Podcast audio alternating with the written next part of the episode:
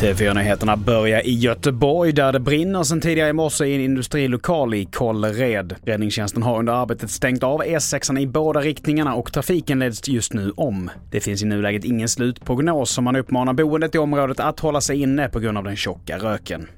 Vidare till Malmö där två män och en tonårspojke är gripna misstänkta för mordförsök och grovt vapenbrott i stadsdelen Rosengård. Det rapporterar Sydsvenskan.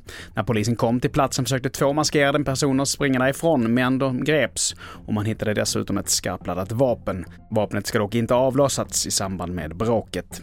Och vi fortsätter med att hushållen förväntar sig att bopriserna fortsätter att falla.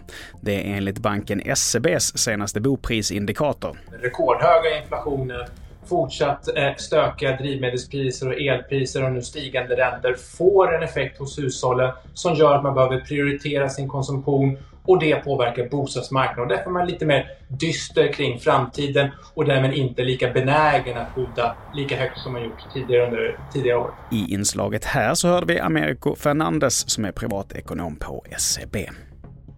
Vi fortsätter med att de stora satsningarna på batteritillverkning i Sverige gör att regeringen nu tillsätter en samordnare för att koordinera de olika projekten, det rapporterar TT.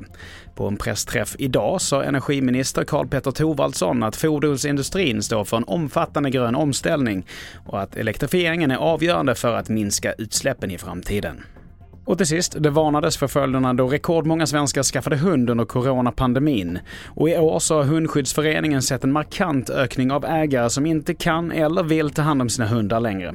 Oftast så är det att de verkligen är desperata efter hjälp. Det har varit eh, veterinärkliniker som har hört av sig till oss. Eh, och där, där familjerna har stått och varit beredda på att avliva en frisk hund. Det är väldigt, väldigt hemskt. Och i inslaget här så hörde vi Frida Andersson från Hundstallet. Fler nyheter hittar du på tv4.se. Jag heter Mattias Nordgren.